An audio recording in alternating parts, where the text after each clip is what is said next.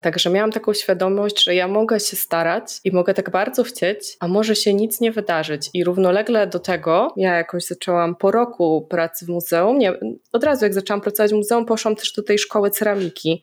I zaczęłam sobie tworzyć tą ceramikę i zaczęłam też właśnie tworzyć tą, tą biżuterię i zaczęłam już się też fascynować właśnie tym, jak się zakłada firmę, że można na Instagramie sprzedawać swoje rzeczy i że spotkałam wiele takich dziewczyn, które właśnie założyły swoją firmę i udaje się i da się to zrobić.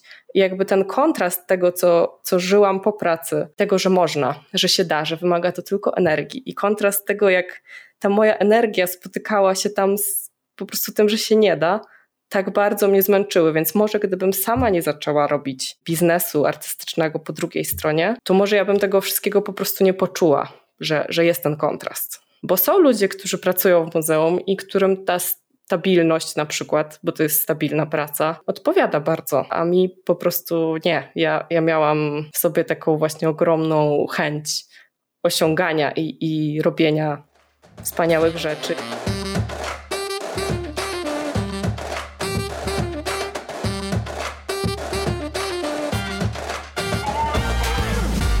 Cześć, tu Ania. Zapraszam do Pracowni Dziewczyn.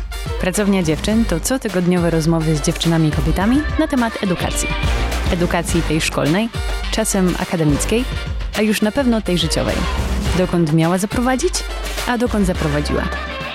O wyborach, o porażkach, o pracy kobiet, z kobietami i nad sobą. Od jakiegoś czasu siedzę w przysłowiach. Zastanawiam się nad mądrościami w nich zawartymi, ale też niejednokrotnie głupotami – którymi karmili nas reprezentanci i reprezentantki starszych pokoleń. Analizuję je, niektóre wracają do mnie w trudnych momentach, od niektórych aż mnie wzdryga, bo pochwalają zachowania i metody wychowania, od których wolałabym się trzymać z daleka. Mam też swoje ulubione, angielskie i niemieckie, przysłowia, powiedzonka, które z radością zaadoptowałam albo szukam ich odpowiedników w języku polskim. Ostatnio mocno chodzi mi po głowie maszeruje i wali głośno swoimi buciorami wręcz w mojej głowie powiedzenie The grass is always greener on the other side of the fence, czyli w dosłownym tłumaczeniu trawa jest zawsze bardziej zielona po drugiej stronie płotu czy u sąsiada, albo w przenośni wszędzie dobrze, gdzie nas nie ma. I w zasadzie też to inne powiedzenie z bajek Ezopa, uważaj, czego pragniesz, które dla mnie leży zaraz obok tego pierwszego, no chciałoby się powiedzieć tuż pod tym przysłowiowym sąsiedzkim płotem. Myślę o nich mocniej dzisiaj, ze sprawą historii Agnieszki Żuber, założycielki warszawskiej pracowni porcelany i stali szlachetnej Lekka. Aga studiowała historię sztuki i italianistykę a poza pobieraniem nauki pracowała wtedy w muzeum jako edukatorka. Idąc na studia wiedziała, że chce pracować w muzeum. Jej marzeniem było zostanie kuratorką dużej kolekcji, opiekowanie się nią, opisywanie, badanie. Kariera naukowa, można by powiedzieć. Na studiach dostąpiła jednego ze swoich olśnień. Zachciała zajmować się zbiorami porcelany.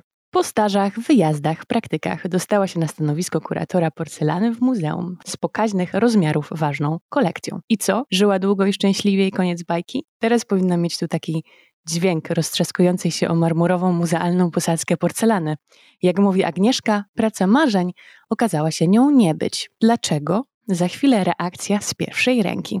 Ale zauroczenie porcelaną nie minęło, a przerodziło się w miłość. Bardziej niż do opisywania porcelanowych artefaktów, Agnieszce po drodze jest do tworzenia. Dzisiaj pod marką Lekka Agnieszka tworzy lśniące cuda i opowiada z humorem historie związane z porcelaną i jej fanatykami. W pracowni powstaje biżuteria. Kolczyki, zawieszki, ale i talerzyki, w tym jeden, ten bliski mojemu sercu, z napisem Każda z nas lśni inaczej. A wkrótce może pojawią się i nowe porcelanowe projekty. Miała być kariera naukowa, chłodne wnętrza muzeów, archiwa, a jest piec rozgrzany do 1250 stopni. Wymarzona praca odeszła w zapomnienie, a zastąpiło ją rękodzieło dodające blasku jej klientkom i klientom. Agnieszka, która jest fanką lodów, pewnie tych włoskich, a po godzinach najchętniej sterowałaby jachtem, mówi, że porcelana uzależnia. Czy sama choruje na groźną porcelanową chorobę? O tym za chwilę. Agnieszka Żuber, droga Agnieszko, witam w pracowni dziewczyn. Cześć, dzień dobry. bardzo mi jest e, miło i jakoś tak zaczęłam rozmyślać o tej swojej przeszłości i przyszłości, kiedy, e, kiedy słyszałam, jak, jak tak o mnie mówisz. Nadal fanka, fanka lodów? I, czy tych włoskich, czy nie? Bo tak sobie Włoskich, tak, oczywiście, że włoskich, oczywiście, tak. Nie mogę się doczekać, aż znowu pojadę do Włoch, bo jednak ostatni raz byłam właśnie dwa tygodnie przed tym, jak we Włoszech, bo to przecież we Włoszech się zaczęło w Europie, rozpętała się pandemia. Także czekam na powrót. Powiedz mi, czym jest choroba porcelanowa i czy faktycznie uważasz się za posiadaczkę takiej choroby i może roznoś, roznosicielkę jej? Tak, tak, ja, ja jestem chora. Choroba porcelanowa to, to był taki wirus, który zapanował w Europie w XVIII wieku. Takie określenie pojawiło się w jednym e, z listów i rzeczywiście ludzie wtedy niedługo po odkryciu porcelany zaczęli ją fanatycznie zbierać, e, zaczęli ustawiać ją wszędzie w pałacowych wnętrzach. Rezydencja królewska czy rezydencja takiego szanującego się arystokraty bez porcelany nie istniała. To było takie must have. To była po prostu najmodniejsza rzecz, która, która wtedy była i rzeczywiście była bardzo pożądana i, i zbierana przez, e, przez wszystkich. Ja nie zbieram, e, znaczy troszkę zbieram, ale e, no nie, na taką, e, nie na taką skalę, ale rzeczywiście no, myślę, że, że zapadłam na porcelan Krankheit. Wydaje mi się, że to określenie pojawiło się przy takim liście Augusta II Mocnego, którego zdanie jest w ogóle często wyjmowane w kontekście porcelany. On tam napisał, porcelana jest jak pomarańcze. Im więcej się ich zje, tym bardziej się ich pragnie. No i rzeczywiście w tamtych czasach pomarańcze też były jeszcze e, w naszej części Europy na przykład czymś drogim i niezwykłym. I ta porcelana także. Także August II Mocny był chyba jednym z takich najbardziej chorych na tą chorobę ludzi, arystokratów. Ja mam pewne wspomnienia z porcelaną, pewne wspomnienia z moj, w moim dzieciństwie. Zbierałam lalki z porcelany, czy kolekcjonowałam lalki z porcelany. Ta porcelana gdzieś była wokół mnie. Moja mama też e, wydaje mi się, że ma o wiele większą wiedzę niż ja, ale są osoby, którym porcelana się kojarzy um, z jakimś takim skiczem, z, z tandetą może, że te nie wiem, styl, że te dekoracje, że te zdobienia, to no właśnie może nie każdemu po drodze z takim, z takim stylem. A historia porcelany jest przecież, tomem można o tym pisać, prawda? Chiny, dynastia Shang, początki. Powiedz mi, czy ty masz jakieś takie swoje ulubione momenty z historią porcelany, albo na, związaną z historią porcelany, albo na przykład osobami, które tobie mówiły, że o nie, nie, porcelana to, to nic dla mnie, a potem się okazywało, że że jednak się same, same też zakochiwały w porcelanowych e, jakichś przedmiotach? Osób takich nie znam, ale, ale często właśnie jak opowiadam te historie, bo, bo zdarzało mi się je najpierw opowiadać w muzeum właśnie jako edukator, później w muzeum e, już, gdzie pracowałam właśnie jako kurator, to w ogóle porcelana rzeczywiście tak często się kojarzy ludziom z takim kiczem, i często w ogóle bardzo, bardzo mało o niej wiedzą, oprócz tego, że rzeczywiście jest w nich to takie też skojarzenie i z tym kiczem, ale i, z, i z domem, z, nie wiem, z wigilią, z wyciąganiem tego serwisu właśnie raz w roku, więc trochę też z taką jakąś świętością w pewnym sensie. I, I kiedy opowiadam im, e, im te historie, to w ogóle sobie zdają, zdają sprawę, jak ogromna to jest część naszej historii, bo często o tym, co jest rzemiosłem artystycznym, a nie tą taką sztuką wysoką, prawda? W ogóle, w ogóle się nie mówi, bo, bo te przedmioty są trochę trudniejsze do opowiadania, bo, bo obraz w pewnym sensie mówi za siebie. Natomiast, e, żeby zrozumieć serwis porcelanowy, no to trzeba dużo bardziej opowiedzieć o ludziach, którzy go używali, o, o jego twórcach, o jego przeznaczeniu. I rzeczywiście, kiedy, kiedy opowiadam o tym ludziom, widać, że, że, że zaczyna ich to ciekawić, że, że w ogóle dostrzegają w tych ludziach, o których im mówię, jakieś takie podobieństwo do, do nas samych. I tak, mam takie mm, osoby z historii porcelany, które są gdzieś głęboko w moim, e, w moim sercu i gdybym się cofnęła w czasie, to bym bardzo, bardzo chciała ich poznać. To z kim byś poszła tak na kolację? Myślę, że poszłabym na kolację z Bytgerem. Bytger był, e, no jest uznawany za twórcę europejskiej porcelany. I on, kiedy, kiedy zaczynał, to jest w ogóle taka historia, która nadaje się na film, i ja, ja się dziwię, że jeszcze, jeszcze tego filmu nie ma. Bo Bytger był młodym chłopakiem, który był e, uczniem aptekarza I w 1701 roku rozeszła się plotka po, po całej Europie, że udało mu się dokonać transmutacji, czyli e, przemienić metal w złoto. I wtedy jeszcze ludziom się wydawało całkiem logiczne, że jakby może istnieć substancja, która jest w stanie to zrobić. Dzisiaj już wiemy, że z chemicznego punktu widzenia, raczej z fizycznego, w sumie dałoby się jakby zrobić to w zderzaczu hadronów, ale no, to nie ma ekonomicznego sensu.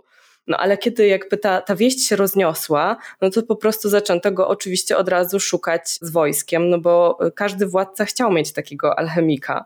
Pytker się dosyć szybko zorientował, że to może być dla niego niebezpieczne. Wyjechał e, za granicę, gdzie już król, e, władca Prus nie mógł go złapać, ale August e, II Mocny, jeszcze wtedy nie król polski, ale jakby elektor, w takim razie on go przejął, zamknął w więzieniu i kazał pracować mu nad, e, nad złotem. No i Bytker, on był bardzo sprytny, bo on przez dobrych kilka lat e, potrafił dalej wmawiać królowi, że to się uda, że on potrzebuje jeszcze e, trochę tego składnika, trochę więcej tego składnika, że jeszcze więcej funduszy, że piec jest nie taki. Bo wiedział, że jeżeli wyda się, że to się nie uda, no to on po prostu przypłaci to życiem ale z drugiej strony musiał sobie też zdawać sprawę, że no prawdopodobnie to nie jest możliwe, to musiał być jakiś, no jakaś sztuczka, e, którą on e, zastosował wcześniej. I na szczęście zdarzył się przy nim Chirnhaus, który naukowiec, który był dużo bardziej doświadczony. On się zajmował kryształami, rozszczepianiem światła, podgrzewaniem różnych rzeczy do, do ogromnej temperatury, takimi wielkimi lustrami, wielkimi, wielkimi soczewkami. I ta historia jest też tak fascynująca, dlatego że dla nas już te wszystkie rzeczy są normalne, ale oni wtedy, kiedy podgrzewali te materiały tymi lustrami, oni pierwszy raz widzieli, jak te materiały się topią, jak się zmieniają, bo przecież zawsze to się działo w zamkniętym piecu. I wtedy doszli do wniosku, że zaczną też eksperymentować z porcelaną, i dopiero po kilku latach prób w strasznych warunkach, w warunkach um, piwnicy, takiego gorące, że oni tam chodzili z ręcznikami na głowach, tam były toksyczne wyziewy. I po tych kilku latach tych prób odnalezienia porcelany, e, szukania różnych składników, wyjmowania zwęglonych próbek z pieca, im się to udało. 15 stycznia 1708 roku wynaleźli europejską porcelanę i to 15 stycznia to jest zawsze moje własne e, osobiste święto. No i od, od, tego czasu się wszystko zaczęło, ale jeszcze dwa lata im zaczęło, zajęło zrobienie szkliwa tak naprawdę. No i później właśnie rozpętała się choroba porcelanowa i później jeszcze następuje wiele takich historii związanych z dziełami sztuki, które do dziś istnieją i, i które są w muzeach, a, a, które powstawały no, czasami na bardzo różne dziwne zamówienia. To fascynująca historia. Ja wczoraj przychodziłam tu w Berlinie obok sklepu, gdzie e, na wystawie była wystawiona, na, na wystawie była zestawa z porcelany miśnieńskiej i aż żałuję, że cię obok mnie nie było, żeby mi trochę poopowiadać ulubioną postać, z którą, e, z którą byś poszła na, e, na kolację, już znamy, a ulubione mm, jakieś porcelanowe eksponaty albo mm, no, niekoniecznie może eksponaty w sensie przedmioty muzealne, ale może coś, co, co jakoś tak jest bliskie Twojemu sercu i może jest w Twojej dzisiejszej porcelanowej, twórczej przestrzeni? W twórczej przestrzeni jest e, kilka takich rzeczy, ale właśnie są w moim sercu też te eksponaty, dlatego że no, otaczałam się nimi i, i fascynowało mnie to, że one są tak kruche, a przetrwały te 200-300 lat i, i wciąż są z nami. Niektóre z nich, a właściwie większość z nich, była podczas wojny w Dreźnie. Dreźnie, które przecież było zniszczone chyba jeszcze bardziej niż Warszawa. I ta porcelana przetrwała. Porcelana, coś co nam się kojarzy z no, po prostu najbardziej kruchą rzeczą. Mi najbardziej fascynują takie albo bardzo drobne przedmioty, które są malowane w taki sposób, że, że po prostu jest nawet trudno zrozumieć, jak to się udało. Są, są naprawdę bardzo delikatne.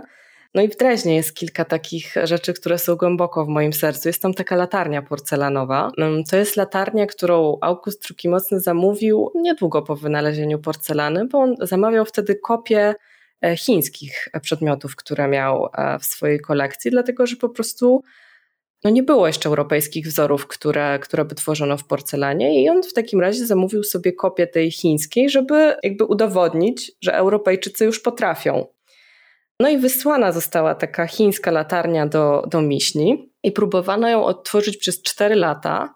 To zajęło 60 prób. To w ogóle, tak, tak. I w ogóle wyobraźmy sobie, te cztery lata próbowania zrobienia czegoś i, i w końcu udało się, ta, ta latarnia pojechała e, do pałacu i okazało się, że nie waży 830 gramów jak latarnia oryginalna, tylko ponad 2 kilo i nie świeci, e, niestety, ale ona wciąż, wciąż istnieje i ten pierwowzór i ta gotowa latarnia, także to jest jakiś taki symbol no jednak przyznania się do tego, że nie, nie potrafimy tak jak Chińczycy, ale próbowaliśmy. Muzea w Dreźnie, muzea drezdeńskie e, są e, fantastycznymi obiektami, z pięknymi kolekcjami. E, udało mi się tam kilka lat temu być i pozwiedzać te, te główne muzea sztuki, także polecam nawet wyjazd na weekend, bo warto. Chciałam takie, może nie wiem, czy kontrowersyjne pytanie, czy nie. Ciebie bardziej interesuje przeszłość czy przyszłość? Chyba przeszłość w pewnym sensie. w ogóle. Tak myślałam. Robiłam sobie jakiś czas temu test Galupa i, i wyszło mi tam e, o. w tej pierwszej piątce właśnie jest też kontekst, czyli to jest e, z tego, co tam czytałam, potem to jest dosyć rzadki ten e, talent. No i on właśnie opowiada o tym, że, e, że ja jakby staram się zrozumieć teraźniejszość i przyszłość przez przeszłość, przez to, co już się zdarzyło. No i to jest taki talent, który właśnie często gdzieś tam w historykach, czy właśnie w takich ludziach jest, jest no, z jakiegoś powodu zostajemy tymi historykami sztuki. I mnie rzeczywiście fascynuje to, na ile ci ludzie byli do nas podobni, a, a w jakim stopniu może byli, byli różni. I czasami właśnie oglądamy tą porcelanę, która rzeczywiście często, nawet dla mnie, jest, jest kiczowata, jest brzydka, a ci ludzie się nią tak bardzo otaczali, i staram się zrozumieć dlaczego i jak bardzo nasz gust e, jest w ogóle zależny od tego, co jest wokół nas i, i czy on w ogóle jest nasz. czy, czy nam mhm. się dzisiaj podoba minimalizm, bo naprawdę po prostu tak zdecydowaliśmy, czy... Czy to trend? Tak, czy po prostu to jest tylko trend, który jest już tak głęboko, że, że nie jesteśmy w stanie w ogóle tego jakoś oddzielić od, um, od siebie. No to jest też jakiś wyraz, prawda, czasów zawsze, tego, co się dzieje, to jak wygląda to, co jest e, wokół nas. Tak, ale patrzę sobie na Twoją biżuterię mm, z pracowni Lekka i myślę o art deco, myślę też o minimalizmie, ale nie jestem pewna, popraw mnie, jeżeli chodzi o takie nurty, który, z którymi Ty pracujesz, które lubisz przytworzyć w, w nich właśnie biżuterię i przedmioty użytkowe w Twojej pracowni. Tak, tak. Właśnie ta ostatnia kolekcja była bardzo art dekowska, bo e, art deco było jakby zanim jeszcze się zaczęłam fascynować porcelaną, to ja obydwie, e, jakby moją pracę i licencjat i magisterkę na historii sztuki e, napisałam o, o Art Deco i to jest taki styl, który jakoś został we mnie bardzo, bo jest, e, w ogóle jest, stał się znowu modny i to jest w ogóle ciekawe, że mamy znowu lata dwudzieste i on jakoś tak wkroczył.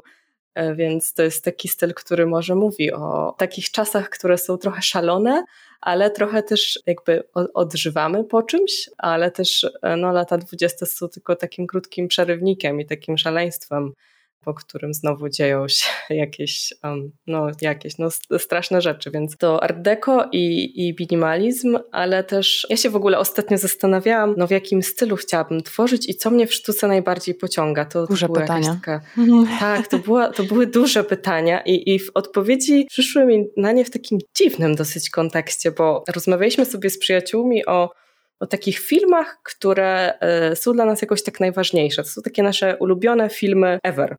Każdy z nas wymienił kilka tych filmów i ja też wymieniłam kilka tych filmów. Wymieniłam Amelię, Tylko kochankowie przeżyją, e, wymieniłam filmy Wesa Andersona i Asterixa i Obelixa. Mhm. I ja się tak zaczęłam zastanawiać, co te filmy mają wspólnego w ogóle.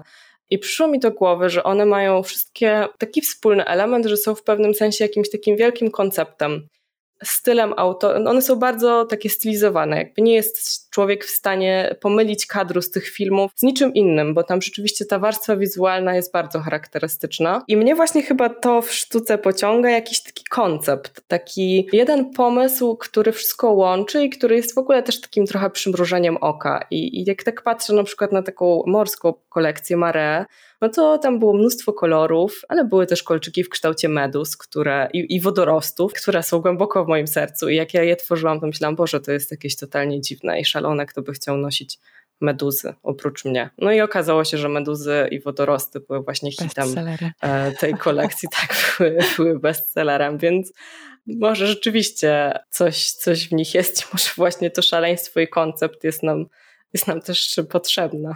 Dla mnie y, bardzo interesujące w Twojej historii jest to, że Ty poszłaś na studia, wiedząc, że chcesz pracować w muzeum.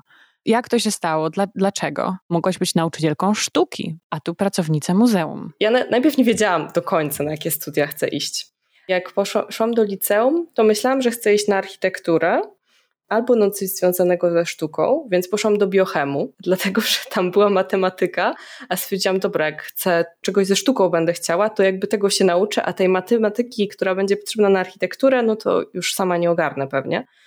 No i potem byłam e, oczywiście jedyną, jak już w połowie tego liceum się zorientowałam, że, że to chyba jednak bardziej ta sztuka. To byłam oczywiście takim outsiderem w tym biochemie, jakby dziewczyna, która zdaje historię sztuki, jedyna, jedyna w całym tym liceum zdawałam historię sztuki, siedziałam sama z trzyosobową komisją pisząc. To jak już um, szłam na tą historię sztuki w ramach MISH-u e, na UW, to była we mnie taka chęć pracy z obiektami, z tymi prawdziwymi, jakby dotykania tych dzieł sztuki, tego wchodzenia za sznurek muzeum. I to stąd to muzeum. No dalej nie powiem, jakby wchodzenie za sznurek jest ekscytującą czynnością. I dotykanie, rzeczywiście dotykanie tych, e, tych przedmiotów.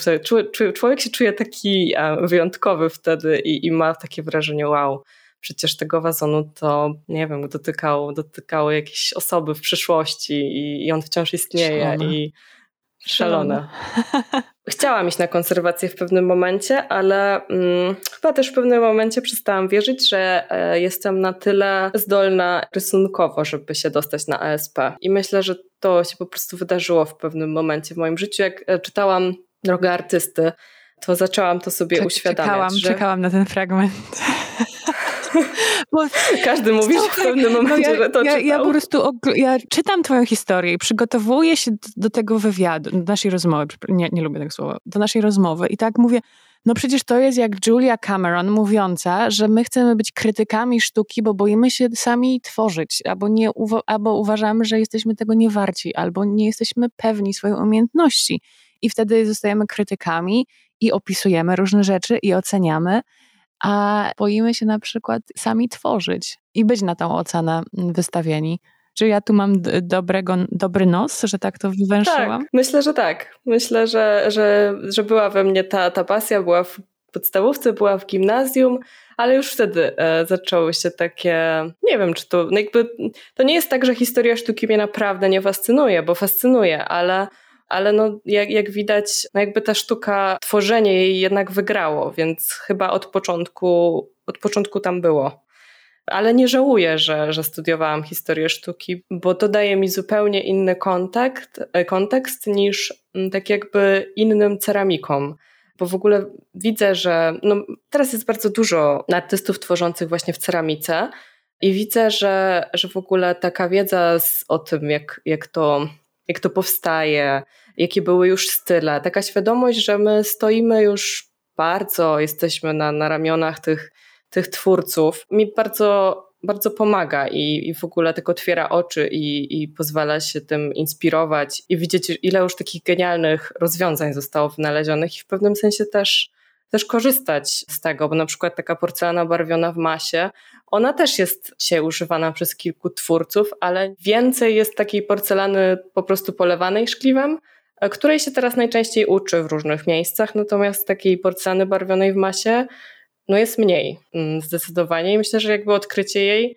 no w sensie odkryłam ją sobie dla siebie właśnie dzięki, dzięki historii sztuki na przykład. Czyli idąc teraz na studia i znając siebie, to, że potrzebujesz tego kontekstu, jak powiedziałaś w tym teście Galupa ci wyszło, to historia sztuki byłaby po raz kolejny? Czy poszła, może w, w, ogóle w coś, w sensie może nawet nie studia, ale coś po prostu manualnego, twórczość, rzemiosło? Nie wiem, czy nie poszłabym na e, ceramikę do Wrocławia, bo tam jest taki wydział, który ma świetne wyposażenie i jakby jest takim topowym wydziałem ceramiki w Polsce. Ale ciężko mi jest sobie wyobrazić, czy, czy nie podjęłam tej samej decyzji, bo jednak jakby ja studiowałam historię sztuki i italianistykę w ramach MISH-u, czyli tych e, międzywydziałowych, interdyscyplinarnych studiów humanistycznych, które dawały e, bardzo dużo wolności i dużo możliwości wybierania sobie przedmiotów, No i jeszcze była ta italianistyka, która no, pozwoliła mi wyjechać na Erasmusa na pół roku i później jeszcze na staż do Włoch. I to były studia w oderwaniu od historii sztuki. Na historii sztuki było tak dosyć sztywno trochę.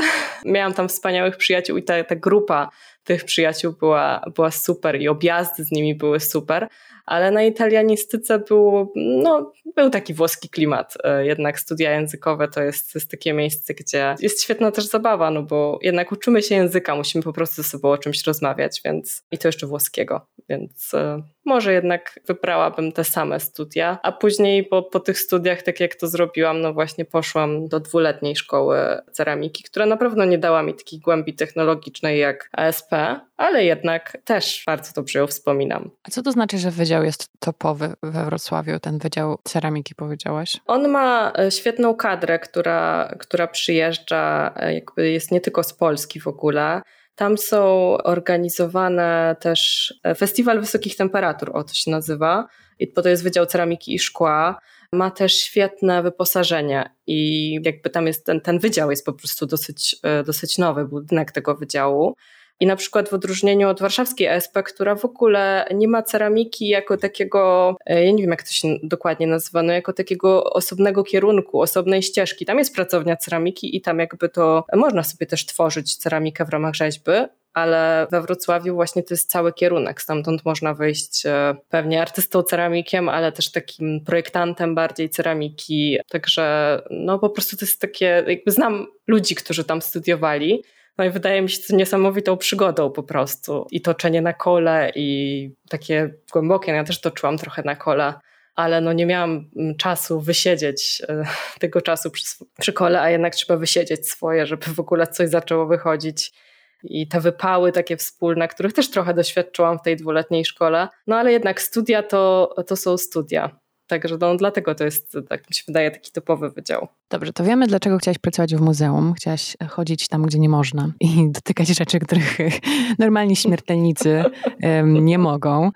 No ale też w intro o tobie wspomniałam o tym olśnieniu, którego dostąpiłaś na studiach czyli właśnie to, że chcesz się zajmować stricte zbiorami porcelany. Czy tutaj jest jakieś, jakaś historia z tym związana? Pamiętasz ten, ten moment, kiedy, kiedy właśnie nie w ogóle w muzeum i niekoniecznie, że obrazy, ale właśnie, że porcelana? Tak, pamiętam. To był, mm, to był czas, kiedy ja sobie po prostu, e, już chyba ta moja potrzeba tworzenia się bardzo odzywała. Ja sobie poszłam do Domu Kultury na ceramikę, tak po prostu. W ogóle nie byłam z tym wcześniej związana i zaczęłam tam sobie chodzić na takie zajęcia.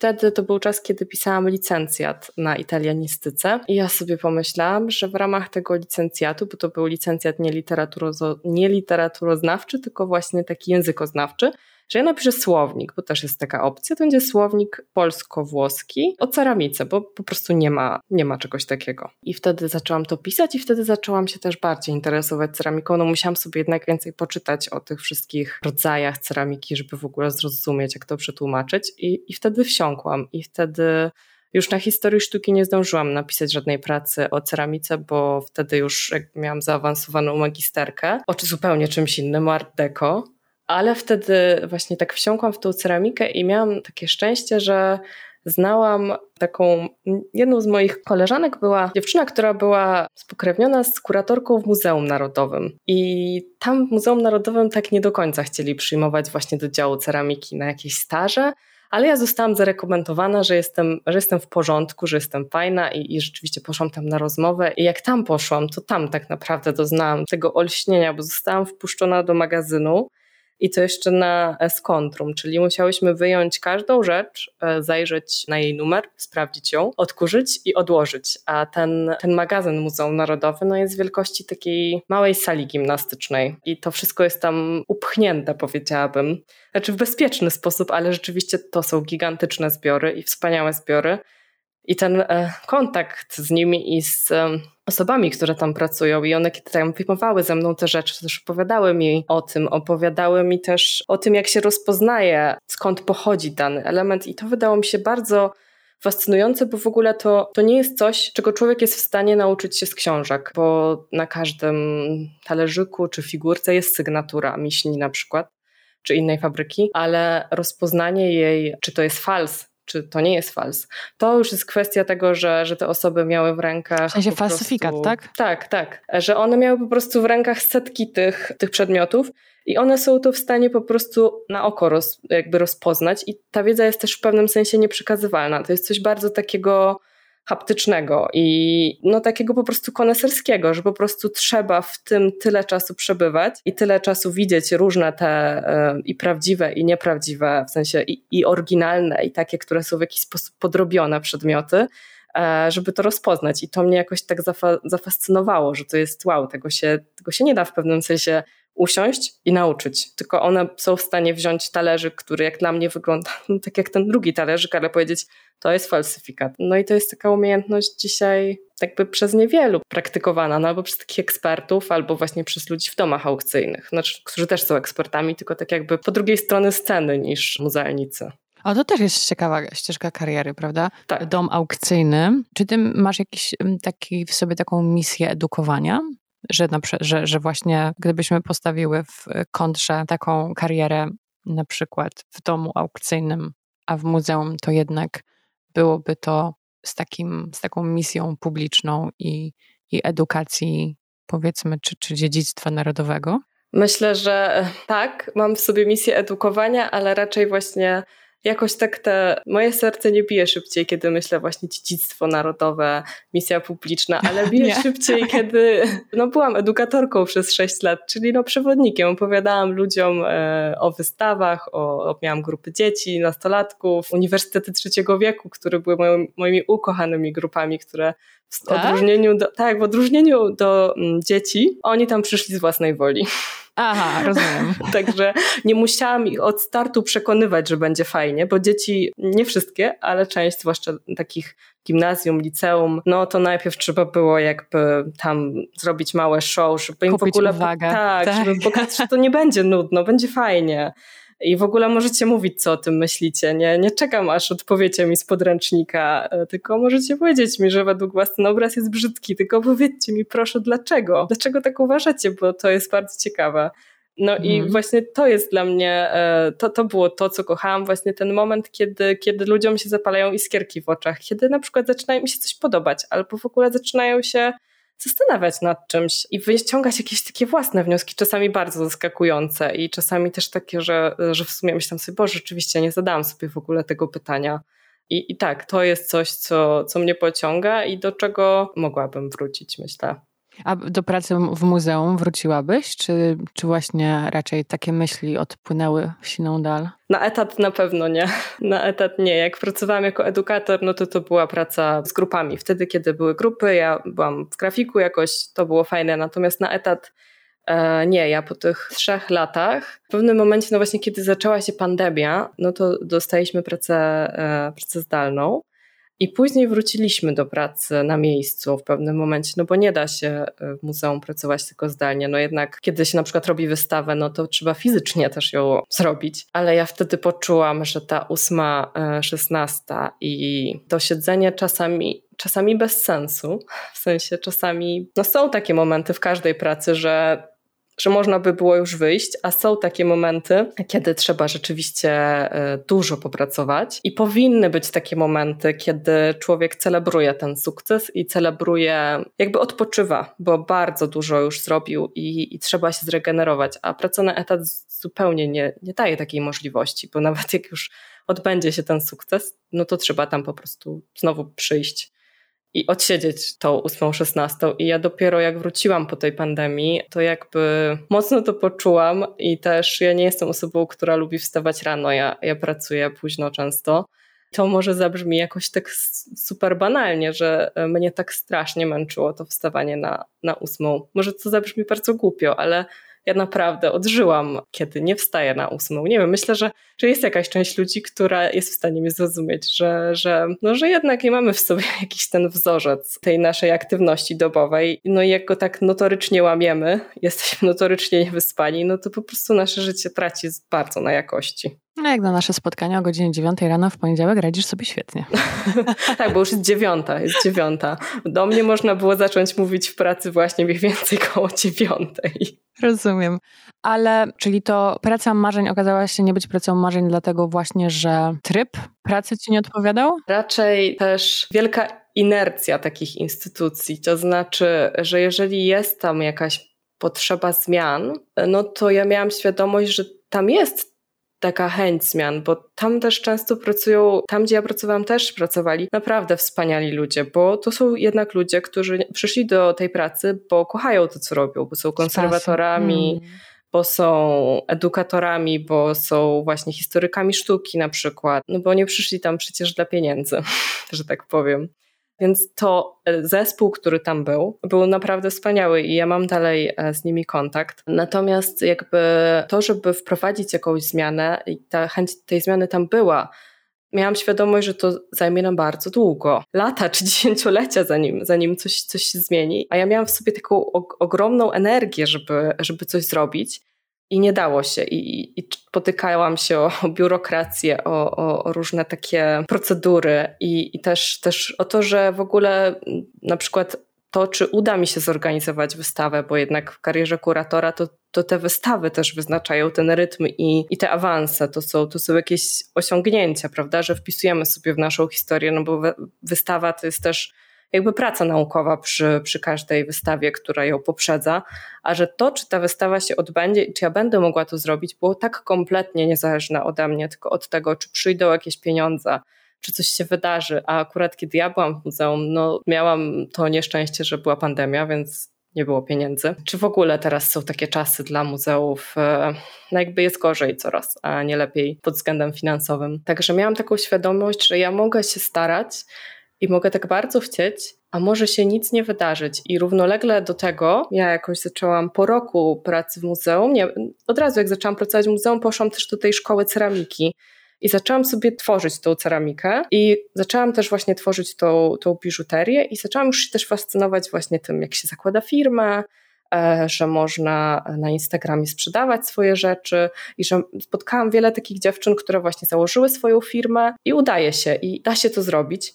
I jakby ten kontrast tego, co, co żyłam po pracy, tego, że można, że się da, że wymaga to tylko energii. I kontrast tego, jak ta moja energia spotykała się tam z po prostu tym, że się nie da, tak bardzo mnie zmęczyły, więc może gdybym sama nie zaczęła robić biznesu artystycznego po drugiej stronie, to może ja bym tego wszystkiego po prostu nie poczuła że, że jest ten kontrast. Bo są ludzie, którzy pracują w muzeum i którym ta stabilność na przykład, bo to jest stabilna praca, odpowiada bardzo, a mi po prostu nie. Ja, ja miałam w sobie taką właśnie ogromną chęć osiągania i, i robienia wspaniałych rzeczy i, i nie mogłam. Niektóre rzeczy udało mi się tam zrobić, udało mi się opisać bardzo wiele eksponatów, no ale, ale niektórych rzeczy właśnie wiedziałam, że to może potrwać lata albo i się po prostu nie wydarzyć. Odczaruj proszę dla, dla mnie i dla nas pracę kuratora, kuratorki wystawy, bo zdaje się, że często słyszymy, że na przykład kuratorem wystawy, na którą idziemy, jest ta i ta osoba, ale co naprawdę składało się na pracę kuratora, czy, czy składa się na pracę kuratora danej wystawy? To zależy jeszcze w jaki sposób jest organizowana wystawa. Ja miałam e, okazję e, współpracować przy jednej z wystaw, która była wtedy w muzeum bo po prostu część tej wystawy była częścią z porcelany, a reszta jakby obiektów porcelanowych, a reszta to, to, było, to były grafiki. Polega to e, na tym, że w ogóle opracowuje się koncepcję wystawy, czyli tak naprawdę co chcemy powiedzieć przez tę wystawę, jaką historię chcemy opowiedzieć. Wymyślamy, jakie obiekty chcemy tam pokazać i dlaczego właściwie te obiekty. Trzeba je opisać.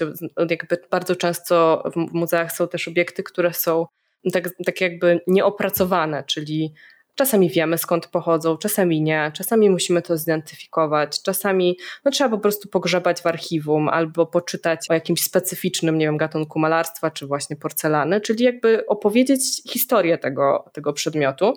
No i później zaczyna się już taka praca z projektantami wystawy, czyli z tymi, którzy są odpowiedzialni za jakby wizualną część tego przedsięwzięcia.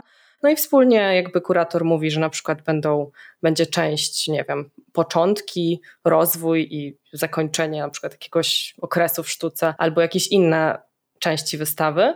No i wspólnie e, jakby później opracowuje się aranżację tego wnętrza, pisze się teksty do tej wystawy, czyli to, co tam będzie na ścianach albo będzie w przewodniku. Najczęściej też pojawia się katalog i to jest zwykle ogromna praca, dlatego że katalog to jest, to jest właśnie taka okazja do, do napisania wielkiej książki o jakichś przedmiotach, która potem zostanie właśnie na lata. To te książki z nami zostają. Jakby to, to są najczęściej takie bardzo cenne opracowania naukowe, które po prostu dzieją się przy, przy tej okazji, bo to też często jest okazja, kiedy kuratorzy współpracują po prostu z kuratorami z zagranicy, na przykład z innych muzeów, które mają jakieś przedmioty, które wykonał jakiś artysta. No i właśnie to jest, wystawa to jest też współpraca taka formalna, związana z tym, że trzeba coś wypożyczyć często z zagranicy, żeby te przedmioty pokazać. E, no i na końcu kurator, no właśnie jest katalog, później jest aranżacja tej wystawy, no i później już dzieje się otwarcie i, i oprowadzenia kuratorskie. Dlatego kuratorzy to są, no to są te osoby, którzy, którzy są rodzicami tak jakby takiej, e, takiej wystawy, no, która powstaje też we współpracy z mnóstwem innych osób właśnie z z projektantami, z grafikami, z ludźmi, którzy pracują technicznie, z konserwatorami. Nie wiem, czy rozjaśniłam jakoś, jak, jak ta praca wygląda. Tak, przede wszystkim, przede wszystkim pokazałaś ilość elementów, które się na nią składają, a często tylko w zasadzie słyszy się to imię i nazwisko przy danej wystawie, prawda? Że kuratorem jest, tak jak powiedziałam, czy kuratorką jest, natomiast rzadko rzadko, jak, jak ktoś nie jest w tym środowisku, to, to może, może nie, nie wie, co tak się składa tak naprawdę na taką pracę. Ale chciałabym na chwilę wrócić do tego, co powiedziałaś o tym, że nie pasowało ci, nie pasowało ci to wolne tempo zmian w muzeach, albo to, że coś, chciałabyś, żeby coś się zadziało, ale czy się zadzieje, to, to w zasadzie nie wiadomo i, i za kilka lat może się też okazać, że, no, że właśnie się nie wydarzyło. I powiedziałaś też o, takich no, problemach finansowych. Raz, że pandemia, a dwa właśnie, czy, czy myślisz, że muzea mogły robić coś, mogłyby robić coś inaczej, jeżeli chodzi o pójście w przyszłość, czyli z duchem czasu? I promocje, czy inne przedstawienie muzeów i tego, co tam się dzieje w szkołach, aby młode pokolenie bardziej było zainteresowane tym, co się w tych muzeach odbywa i dlaczego one są może ważne? Znaczy tak, są takie muzea, które rzeczywiście to robią w ten sposób i, mhm. i, i, są już no właśnie tak w pewien sposób odczarowane, już, już naprawdę nie kojarzą się z kapciami, z pustką i tylko paniami, które tam tam stoją. I rzeczywiście ta, ta ilość właśnie takich programów edukacyjnych, wykładów, wydarzeń towarzyszących, warsztatów, czy właśnie tej promocji, takiego wyjścia do ludzi i, i, pokazania też często tych kulisów, bo, bo to jest to, co ludzi fascynuje, właśnie na przykład praca konserwatorów, praca kuratorów, to jak wyglądają magazyny od środka.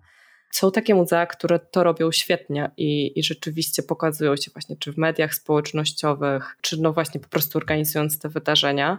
I myślę, że to jest ten kierunek, to, to otwieranie się, w którym, w którym trzeba iść, ale to, czy jakieś muzeum jest w stanie ten kierunek realizować, niestety jest też związane właśnie z tymi pieniędzmi, bo żeby móc pokazywać się w mediach społecznościowych, potrzebujemy działu, który to będzie robił, bo każdy, kto chociaż trochę zaczął na przykład, nie wiem, publikować na Facebooku, na Instagramie czy czy albo jeżeli już w kilku tych miejscach, to wie, ile to jest pracy. To jest ogromna praca, przecież to jest nagrywanie tego wszystkiego, opracowywanie, umawianie, planowanie, wymyślanie jakichś fajnych konceptów. E, no także po prostu do tego potrzeba ludzi, ludzi też, którzy to czują, którzy wiedzą, jak to, jak to w ogóle robić. To jest jakiś kierunek, w którym już właściwie się idzie od dawna. I no po prostu to zależy od instytucji do instytucji. W jednej jest jest się trochę bliżej tego, w innych trochę, e, trochę dalej. Są takie muzea, które robią to tak w moim odczuciu wspaniale. No, a jakie? jakie Muzeum Narodowe w Warszawie. Jak się, jak się wejdzie na ich media społecznościowe, czy w ogóle wejdzie się w ich program wydarzeń, no to to po prostu powala, ale też e, to widać, jak przychodzi się na ostatni dzień wystawy albo ostatni weekend i tam jest taka kolejka, że wychodzi za bramę, no to po prostu została tu wykonana bardzo dobra praca, że, że to, tak, e, to tak wygląda. Muzeum Narodowe w Krakowie też myślę, że jest jest, jest to no, świetnie robione. A jest też wiele zagranicznych muzeów, które to, to super robią. No tylko właśnie, no, na przykład British Museum ma cały dział ludzi, którzy przez trzy lata, przez trzy lata pracowali nad tym, żeby ich wizerunek wyglądał tak, jak wygląda. Mieli dział ludzi, którzy odpowiadali 24 godziny na dobę na pytania, które były zadawane mieli dział ludzi, którzy cały czas właśnie opracowują obiekty w taki sposób, żeby to było dobre na przykład, żeby pokazać na Instagramie, tak? No bo to, to, to wymaga takiego, takiego opracowania, żeby to człowieka zaciekawiło i złapało na ten moment i pokazało, hej, jesteśmy jesteśmy ludcy, jesteśmy fajni, zrozumiesz to. To jest, to jest dla ciebie, to jest, e, to jest ciekawe. No tylko właśnie to wymagało sztabu ludzi i, i kilku lat. No dobrze, to, to muzea. A jeszcze jedna taka systemowa, e, jeszcze jedna, jedno takie systemowe pytanie w temacie edukacji w szkole, jeżeli chodzi o e, edukowanie, w sensie nauczanie sztuki. Jakie ty masz doświadczenia, jeżeli chodzi o twoje szkoły i właśnie czy to nauka no właśnie, nie wiem, czy cię, jak ty byłaś na tym biolchemie, to ty się sama uczyłaś do matury tej historii sztuki? Tak, poszłam, poszłam na taki kurs w Centrum Promocji Kultury. To jest e, miejska instytucja i tam jest kurs e, właśnie stricte przygotowujący do matury z historii sztuki i tam właściwie poznałam wszystkich moich takich najbliższych przyjaciół, którzy potem razem ze mną się na tą historię sztuki dostali i z którymi A. trzymamy się do dziś. Ten, te, te godziny kucia obrazów nas zbliżyły bardzo, e, bardzo do siebie. Czyli jakby tam, no i później już, już, już sama, już tylko nie, nie było w ogóle takiego przedmiotu w, moim liceum, jak historia sztuki. A sztuka? Twoje w ogóle doświadczenie ze sztuką w szkole? No, jak to wspominasz? Że tak jak wszyscy. Najpierw jest plastyka, która jest jakimś takim przedmiotem, który trochę, trochę pamiętam, że było fajnie, ale trochę taki jakoś Wiem, że się tak go raczej olewało, że... Ty no, też? No tak... Agnieszka. Tam, tam się tak trochę nie, niewiele działo. Pamiętam, że chodziłam wtedy Aha. też na rysunek do Domu Kultury. No i to robiłam jakoś tak z własnej woli, a, a na tej plastyce, no jakby coś tam żeśmy robili. No nawet nie do końca pamiętam, co, co tam robiliśmy, ale jakieś takie panowało generalne rozprężenie. Później trochę na, na WOSie jest też. Tak? E, nie na WOSie, przepraszam, na wiedza o kulturze jest taki Aha, przedmiot. Okay. I tam rzeczywiście. tak, na wok, tak, tak, na woku. I tam są jakieś takie rozkminy o performensie, pamiętam, o, o sztuce współczesnej, ale o filmie, no ale to po prostu wok jest takim przedmiotem, który jest skutkiem upakowania tego wszystkiego do jednego worka. No i po prostu nie sposób jest e, tego tam upchnąć. No i trochę na polskim jest czasem, ale e, no nie ma z bardzo na to, na to czasu, więc w sumie moje doświadczenia w szkole związane ze sztuką jest ich mało, jest ich bardzo mało. No na polskim pamiętam, że jakby ja, ja bardzo lubiłam polski i uwielbiałam moją polonistkę w liceum, E, no ale jednak to było, no, to było o, o literaturze. No także właściwie doświadczenie było żadne, ale pamiętam też, że ja od samego początku szkoły do jej końca nienawidziłam historii, po czym zostałam historykiem sztuki. I nie mogłam, e, no bo, no bo to się nazywa historia sztuki, czyli no o sztuce tam jest, no mnie fascynowała sztuka. Ale potem zaczęłam sobie uświadamiać, czy po prostu ta historia w naszych szkołach jest dramatycznie uczona, dlatego że e, dla mnie dramatycznie, dlatego, ale myślę, że dla wielu, bo co, co to jest historia w naszych szkołach? To jest historia wojen i polityki. Kropka. Tam się pojawia troszeczkę rewolucji tej przemysłowej, ale właściwie dlaczego, dlaczego w ogóle nie ma tam historii materialnej, historii ubioru, historii kuchni, historii kobiet? Dlaczego nie ma tych wszystkich rzeczy, które, na przykład, które mnie fascynowały, na przykład historia stołu właśnie, czy kuchni, historia czasu wolnego, co, co ludzie robili. No bo ta, ta historia wojen i tego, jak ta granica w lewo, w prawo, e, te, te bitwy, no ja pamiętam, że to, to był koszmar. Koszmar, a przecież taka historia kuchni to jest coś, co myślę więcej osób jakby by mogłoby zafascynować i właśnie tam, gdzie jakby ta, ta rekonstrukcja, ja potem się tym trochę interesowałam, rekonstrukcje dań e, historyczne, jakby z tych przepisów, no to jest cała, cała sztuka próby tego odtworzenia, bo po pierwsze mamy już trochę inne składniki, te przepisy też są często niedokładne, e, w sensie nie ma tam gramatur na przykład, tylko daj do smaku, a nasz smak jest trochę inny niż ich smak na przykład. To na przykład myślę, że wielu z nas mogłoby tak zafascynować, że kurczę, jedli zupełnie inne rzeczy, jak te rzeczy smakowały i jakby w takim nurcie takiej historii, która jest akademicko już uczona, no to jakby te nurty są teraz bardzo takie e, modne i rozwijane, właśnie ta kultura materialna, ubiór, kuchnia, a tego w ogóle tam nie ma. Bardzo ciekawa perspektywa. Ja z kolei, znaczy ja lubiłam historię i nie uważam, żebym była bardzo straumatyzowana tymi zajęciami, natomiast co powraca w mojej głowie, to jest po prostu antyk. Cały czas było, ja mam wrażenie, cały czas było, było o starożytności. Cały czas dotknąć w ogóle II wojny światowej, to trzeba było się jakby naprawdę przyspieszyć w pewnym momencie obróbkę tego materiału, mm -hmm. a już nie mówiąc, nie wiem, o komunie, o okrągłym stole, o jakiejkolwiek historii współczesnej teraz, tak? Co się wydarzyło na przykład, nie wiem, w latach od 2000, tak? tak. E, teraz ostatnie lata 20. 20 ostatnich lat, to chciałam powiedzieć. No to mam nadzieję, mam nadzieję, że, że dzisiejsi uczniowie już troszeczkę więcej wiedzą o tej teraźniejszości, o tej takiej bliskiej historii i starają się to jakoś analizować, bo antyk to już... Antyk znamy bardzo dobrze. Antyk i Egipt i Mezopotamia. Pamiętam, że w ogóle to się pamięta, że zawsze w podstawówkach, gimnazjum, liceum to jest bardzo dobrze przerobione epoki są. Rzeczywiście. A, a potem jakiś taki pamiętam, że po liceum jak ktoś mówił do mnie na przykład o prawicy, o lewicy, e, o co chodzi w tych wszystkich konceptach, to ja w ogóle ciężko mi było to zrozumieć, bo to, są, to wszystko się właśnie dzieje no pod koniec tej historii, która już jest tak tuż przed wakacjami i przez chwilę i już nie mamy czasu i i rzeczywiście, tak, tak, a to tak. jest super ważne przecież, żeby zrozumieć to, to, co się teraz dzieje. Myślę, że więcej na WOSie mogło być tego, mhm. prawda? Jak, jak jest y, ustrój, jaki mamy ustrój polityczny, partie, kto rządzi partiami i tak dalej, jak one powstały. Ale to też wszystko zależy od szkoły, prawda? Mhm. Od nauczyciela. Od nauczyciela też, tak. Zostawmy na chwilę edukację i, i te systemowe rzeczy. Wróćmy na, na chwileczkę do porcelany. Powiedziałam na samym początku, mm, że kojarzysz mi się z takim e, właśnie powiedzeniem, że trawa jest bardziej zielona u sąsiadów i że wszędzie dobrze, gdzie nas nie ma, albo wszędzie lepiej, gdzie nas nie ma. Powiedz mi, jak to jest e, dzisiaj u ciebie? Czy trawa w twoim ogródku porcelanowym, tworzenia porcelany, rękodzieła, czy w tym miejscu, w którym jesteś teraz jest bardziej zielona, czy jednak gdzieś myślisz, że mogłaby być, że, że, jest, że jest e, lepiej, że jest bardziej zielona gdzieś, gdzie cię nie ma? Nie, już jestem tu, gdzie chciałabym być tylko jeszcze po prostu muszę iść dużo dalej naprzód. I, i to jakiś czas temu, jak odeszłam właśnie z muzeum, to sobie uświadomiłam, że nawet w tych momentach, kiedy jest najgorzej, jest mi lepiej niż w tych momentach w czasie pracy na etacie, kiedy było mi najlepiej. Że czuję jakąś taką niesamowitą wolność, że mogę robić to, co chcę i że tylko muszę po prostu przesuwać swoje własne granice i zmieniać swoje przekonania, bo bo one są gdzieś we mnie i często mnie ograniczają, ale to jest zależne ode mnie i od mojej pracy tak naprawdę nad, e, nad sobą.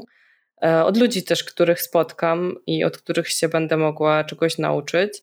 I to mnie jakoś tak, no daje mi niesamowitą energię do działania. Także tu, gdzie jestem, jest super. Ja już po prostu nie mogę się doczekać tych rzeczy, które kiedyś powstaną, tego, co się jeszcze wydarzy.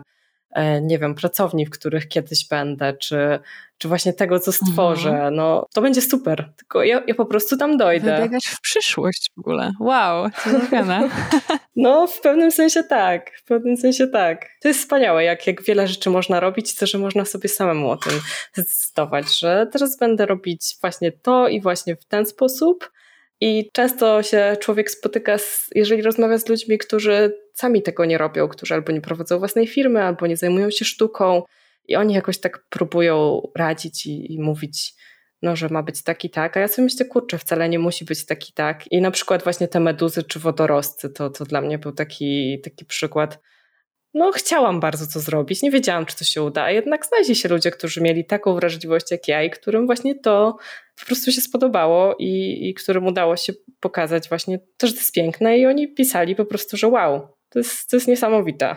Także no, ta, ta świadomość tego, że, że wszystko można, tylko trzeba pracować i, i chcieć i, i, i to, jest, to jest z pewnością miejsce, w którym, w którym chcę być. Które momenty są najgorsze? Bo powiedziałaś, że nawet w tych najgorszych jest ci lepiej niż jak to było na etacie w muzeum. Albo wtedy, kiedy sobie tak zaplanuję to wszystko, no bo jednak ja, ja sobie planuję jakąś tam premierę kolekcji i tak to sobie zaplanuję, że sama się tak mocno przycisnę, że dorzucę sobie tyle roboty i tak sama sobie poustawiam te terminy, że e, ledwo zipię. I po prostu jest tak fizycznie e, i umysłowo ciężko, no bo trzeba opublikować te posty, jest, jest cały czas coś, coś się dzieje, trzeba cały czas robić jakieś czynności, które też są bardzo różne od, od siebie. Jednocześnie pisanie tych postów, tworzenie z siebie też rzeczy, w sensie robienie tej kolekcji, plus produkcja, że tak nieromantycznie powiem, tych, tych przedmiotów, jakby jak już ich trzeba zrobić więcej, plus księgowość i tak dalej. I to wszystko nagle, jak razem się skumuluje, to to są takie sobie momenty, albo te momenty, w których jakby właśnie bardzo dużo się tej energii jakby przez siebie przypali, a coś nie idzie, coś się nie sprzeda zupełnie. I to są trudne momenty, ale myślę, że trzeba, no, każdy, kto coś takiego robi, przeżył je i trzeba po prostu wyciągnąć wnioski, dlaczego to się stało i nie identyfikować ich ze sobą, bo może to się stało z jakiegoś, nie wiem, może promocja była nie, niedobra albo czas był niedobry. Bo, może nie zależy od ciebie rzeczy. A może tak, a może po prostu trzeba wyciągnąć wniosek, że aha, tutaj po prostu na przykład zaplanowałam coś na środek długiego weekendu. I może dlatego nikogo mm. ze mną nie było, tak? I, I trzeba po prostu te, te, i te wnioski wyciągać. No ale wiadomo, że jak tak dużo się w coś włoży serca, a to po prostu się nie uda, to boli, ale trzeba, to czegoś uczy też, trzeba to przeboleć po prostu w sobie i, i iść dalej. No ale są też na szczęście te dobre momenty, te, w których wyszło albo nawet przewyższyło nasze, e, nasze oczekiwania czy plany i po prostu poniosło się albo wysprzedało się w kilka minut. E, no i to są momenty, które no, uskrzydlają zdecydowanie i, i sprawiają, że, że warto. Patrząc na swoją ścieżkę dzisiaj, myślisz, że zrobiłabyś coś inaczej? Nie wiem czy bym zrobiła coś inaczej. E, chyba tak jak jest dobrze. Poszłabym może jeszcze na więcej różnych e, takich kursów, na które e, teraz się czasem mm, decyduję, bo myślę, że takie inwestowanie w siebie to jest najlepsza inwestycja, która się rzeczywiście zwraca potem i to chyba tyle. No myślę, że po prostu dalej szłam, szłam, szłabym tak jak, jak idę. Nie wiem, czy to, czy to dobrze brzmi, czy źle brzmi, ale chyba... To, to brzmi po prostu. To chyba nie masz żalu jakiegoś takiego, prawda? Nie, nie. Te trzy lata w muzeum nie było tak, że byłam cały czas nieszczęśliwa, bo przecież bym tam nie wytrzymała. No, były tam piękne momenty, właśnie ci, ci ludzie, z którymi tam byłam i dało mi to jakąś perspektywę. I na przykład, może gdybym od razu poszła w e, jakąś tą, tą swoją stronę, to, to, by mi, to, to bym cały czas chciała tamtej drugiej pracy, a teraz już po prostu wiem, e, że być może będę kiedyś współpracować jeszcze z jakimś muzeum na zasadzie jakby stworzenia jakiegoś projektu, ale już wiem, że jakby już nie ma tego powrotu do pracy od 8 do, do 16. To po prostu nie jest dla mnie. Ja nawet ostatnio, kiedy ktoś mi sugerował, że moja pracownia powinna mieć godziny otwarcia, bo to ułatwia ludziom życie. I jak ja e, słyszałam to i jak ja sobie to zaczęłam wyobrażać, to ja po prostu e, czułam taki w piersi, takie coś duszącego mnie. I, tak, i, i, i ta osoba mi mówiła, że przecież to jest małe wyrzeczenie. Ludziom jest wygodniej, zaglądają na Google'a, i widzą, że jest otwarta i że to jest pracownia ceramiki, a ja czułam w sobie, że ale ja tak nie mogę. Ja, ja, ja nic nie stworzę. Ja nie chcę w ogóle tak. Ja chcę pracować mocno, mocno, jakby premiera, a potem chcę oddychać i zbierać siłę na, na tworzenie czegoś. Ja po prostu, po prostu nie chciałam mieć w ogóle takiej otwartej pracowni, a to, że w ogóle mam taką, to jest, to jest przypadek, bo poszukałam lokalu na pracownię, a znalazłam, znalazłyśmy we dwie, bo mam mm, w parze jakby pracownię, taki lokal, który ma dwa pomieszczenia i jeden jest przy ulicy i, i ma witrynę. No więc jak miał dwa pomieszczenia, no to to pierwsze pomieszczenie siłą rzeczy stało się takim miejscem, gdzie wystawiamy te rzeczy, ale ono, to miejsce jest otwarte, y, jak jesteśmy. Po prostu można tam wejść albo można do nas e, napisać na wiadomość, że kiedy będziecie, albo ja będę jutro o 13, i ja mówię, ok, no to po prostu ja też wtedy będę.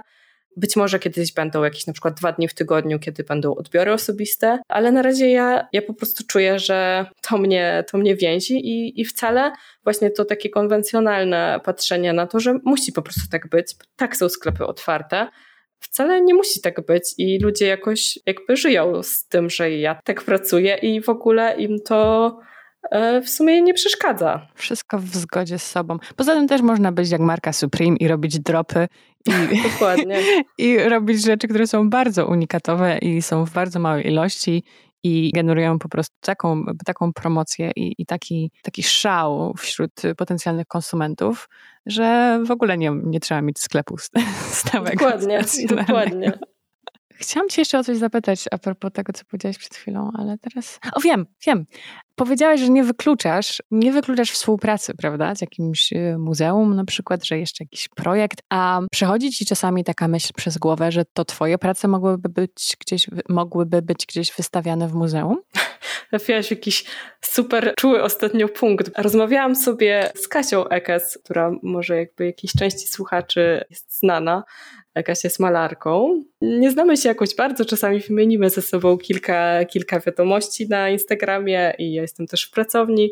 I ostatnio tak sobie myślałam, o czym tak marzę. I jest taka rzecz, bo jako moja praca dyplomowa właśnie w tej dwuletniej szkole w ceramiku, to tam na końcu się robi pracę dyplomową, no trochę jak na ASP powiedzmy. Trzeba zrobić jakąś rzecz, opisać ją i zaprezentować takiej wystawie. Jest też komisja, której się opowiada o tej, e, tej pracy. I zwykle no, bardzo różne rzeczy robią. Czasami ktoś robi rzeźbę, czasami ktoś po prostu coś toczy na kole, jakieś obrazy ceramiczne, no bardzo różne rzeczy tam powstają. E, natomiast moja była bardzo szalona. E, ja stworzyłam e, porcelanowy żyrandol i wiedziałam, że jeżeli nie zrobię tego na ten dyplom, to już sama sobie przecież tego nie zrobię, bo w domu tego nie mam gdzie powiesić. I to jest bardzo duży projekt. Ten żyrandol jest z tam chyba 40 elementów dosyć dużych i takich, no ja, ja, ich nie wiem, zrobiłam pewnie około 80, bo jakby ja się też wtedy uczyłam i wiele z nich pękło podczas, jakby podczas tego, jak je robiłam na różnych etapach. Już jak one przetrwały ten ostatni, to już e, no nic im nie jest, musiałabym je bardzo z wysoka upuścić. No i zrobiłam ten porcelanowy żyrandol, który żyje trochę swoim życiem, on teraz wisi w pracowni. Te elementy wiszą na żyłkach, one się też ruszają, one uderzają o siebie, dają dźwięk, one brzmią trochę jak takie chińskie dzwonki. Ta, ta porcelana, która o siebie uderza i, i mi się e, marzy kiedyś taka, albo taki gigantyczny żrandol na klatce schodowej jakiejś, jakiegoś wspaniałego budynku, bo w ogóle są takie pracownie artystyczne, które robią takie właśnie porcelanowe żrandole z wielu elementów, no właśnie gigantyczne, albo taka instalacja, coś, co wypełniałoby jakąś salę i byłoby właśnie zrobione z porcelany i w pewien sposób by się poruszało i, i żyło i można by było w tym, z tym wchodzić w jakąś taką interakcję. To jest, to jest takie bardzo szalone, ale właśnie to jest chyba związane e, z tym, że mnie fascynują te, te rzeczy, które są właśnie taką koncepcją i które są takim dziełem totalnym, właśnie jak te filmy, że tam po prostu wchodzimy tak mocno w świat jakiegoś artysty i on tam jest pokazany i wizualnie, i, i w warstwie treści, i no we wszystkim po prostu. I bardzo bym chciała, żeby coś takiego się kiedyś wydarzyło. Ja po prostu wiem, że jeszcze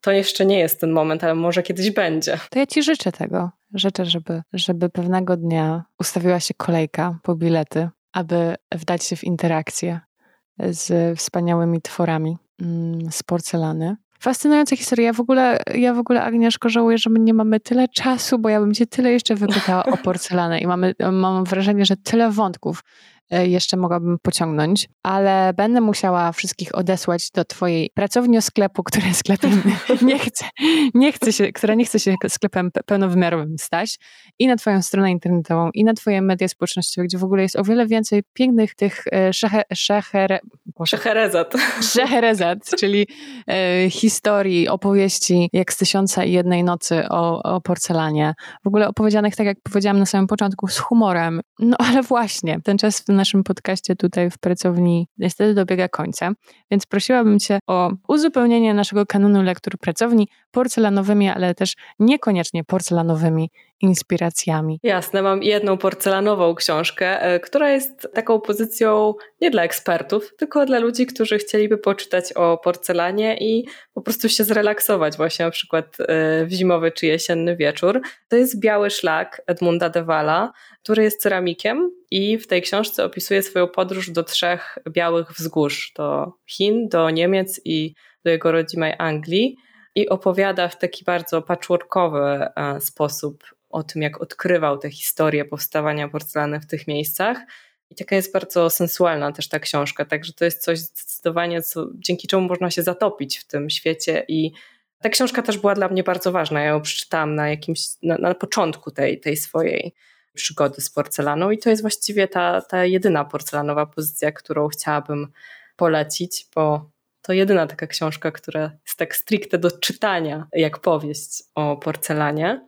Mhm, a nie album muzealny. A tak, albumów muzealnych jest dużo i polecam przeglądanie ich i no po prostu patrzenie, bo wiem, co jeszcze chciałam powiedzieć. Mówiłaś właśnie o tym, ja mówiłam najpierw o tym wchodzeniu w interakcję, potem ty o tym wspomniałaś i właśnie no, dlatego też chyba chciałam pracować w muzeum, bo porcelana była stworzona nie po to, żeby na nią patrzeć, tylko po to, żeby jej dotykać, e, żeby pić z tej filiżanki i, i ona umiera, kiedy stoi w, jakby w tej gablocie.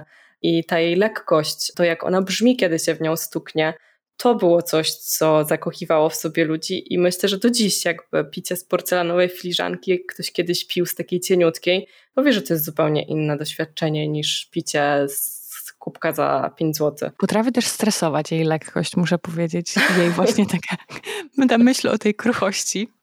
No właśnie ona jest, porcelana jest kobietą, ona jest e, bardzo mocna E, przetrwa jakby przez te 1250 stopni. Ona jest super mocna, przecież wlewamy do niej wrzątek, takiej cieniutkiej i nic jej się nie dzieje, przecież ona od tego nie pęka, a jednocześnie rzeczywiście jest, no jeżeli się upuści, no to jest krucha. No ale właśnie łączy w sobie jakoś tak te dwa światy. To jest, to jest, to jest ciekawe bardzo. Miałam polecić książki i poleciłam jedną i chyba na tej, na tej jednej porcelanowej książce poprzestanę, potem można dalej już odkrywać. A nie porcelanowe jakieś polecenia, czy tylko zostajemy przy tej porcelanowym białym szlaku? No właśnie się zastanawiam. Próbowałam e, coś wymyślić, ale no chyba Nic to są książki, siłę. które tutaj już padały, także droga artysty to już chyba nie wiem w ilu, ilu odcinkach. Tak, ona powraca, powraca, bo tam dużo jest właśnie takiego, e, takiego rozrachunku z naszymi różnymi przekonaniami nie tylko artystów, tylko wszystkich ludzi, którzy coś tworzą kreatywnie, a czasami nie są nazywani artystami przy, tak, przez nas myślę, po prostu. Nas, nas wszystkich jako kreatywnych po prostu umysłów. Tak. Agnieszka Żuber. Agnieszko, dziękuję Ci za piękną historię o porcelanie, Twoją historię o tym, jak miała być kariera naukowa, póki co jest póki co jest e, rzemiosło i, i kontakt z klientem. Bardzo Ci dziękuję za podzielenie się swoją historią i obalanie, um, obalanie pewnych e, mitów, czy też edukowanie nas na tematy około muzealne, kuratorskie i tak dalej. Ja trzymam kciuki za Twoje marzeniem, za ten czuły punkt, którego dotknęłyśmy na samym końcu i mam nadzieję, że to nie jest nasze ostatnie spotkanie, e, że spotkamy się może jeszcze w jakimś innym wymiarze, kiedy faktycznie to ja będę mogła sobie podotykać trochę porcelany. Agnieszko, dziękuję bardzo. Dziękuję. Dziękuję, było mi bardzo, e, bardzo miło. I proszę, proszę nie kuruj się ze swojej porcelanowej choroby. Nie, nie, zamierzam jeszcze tylko głębiej jakby za, zapadać się w nią.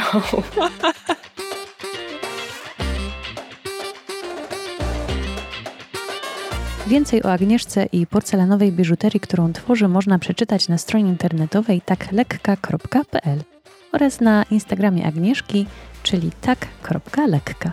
A w opisie odcinka tradycyjnie znajdziesz listę poleceń do kanonu lektur pracowni, tym razem porcelanowe polecenie od Agnieszki właśnie.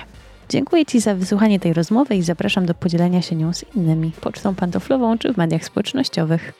Jeśli jest to Twoje pierwsze spotkanie z tym podcastem, to wiedz, że pracownia jest na Instagramie, pracownia dziewczyn pod, ale jest też na Facebooku pod pracownia dziewczyn i na YouTubie. Zapraszam do subskrybowania pracowni i tam. Jeśli chciałabyś, czy chciałbyś zaproponować potencjalną bohaterkę do przyszłego odcinka, czy po prostu napisać, podzielić się ze mną refleksją, możesz wysłać maila na adres pracownia dziewczynpodcast.gmail.com. Do usłyszenia w kolejny czwartek. Cześć!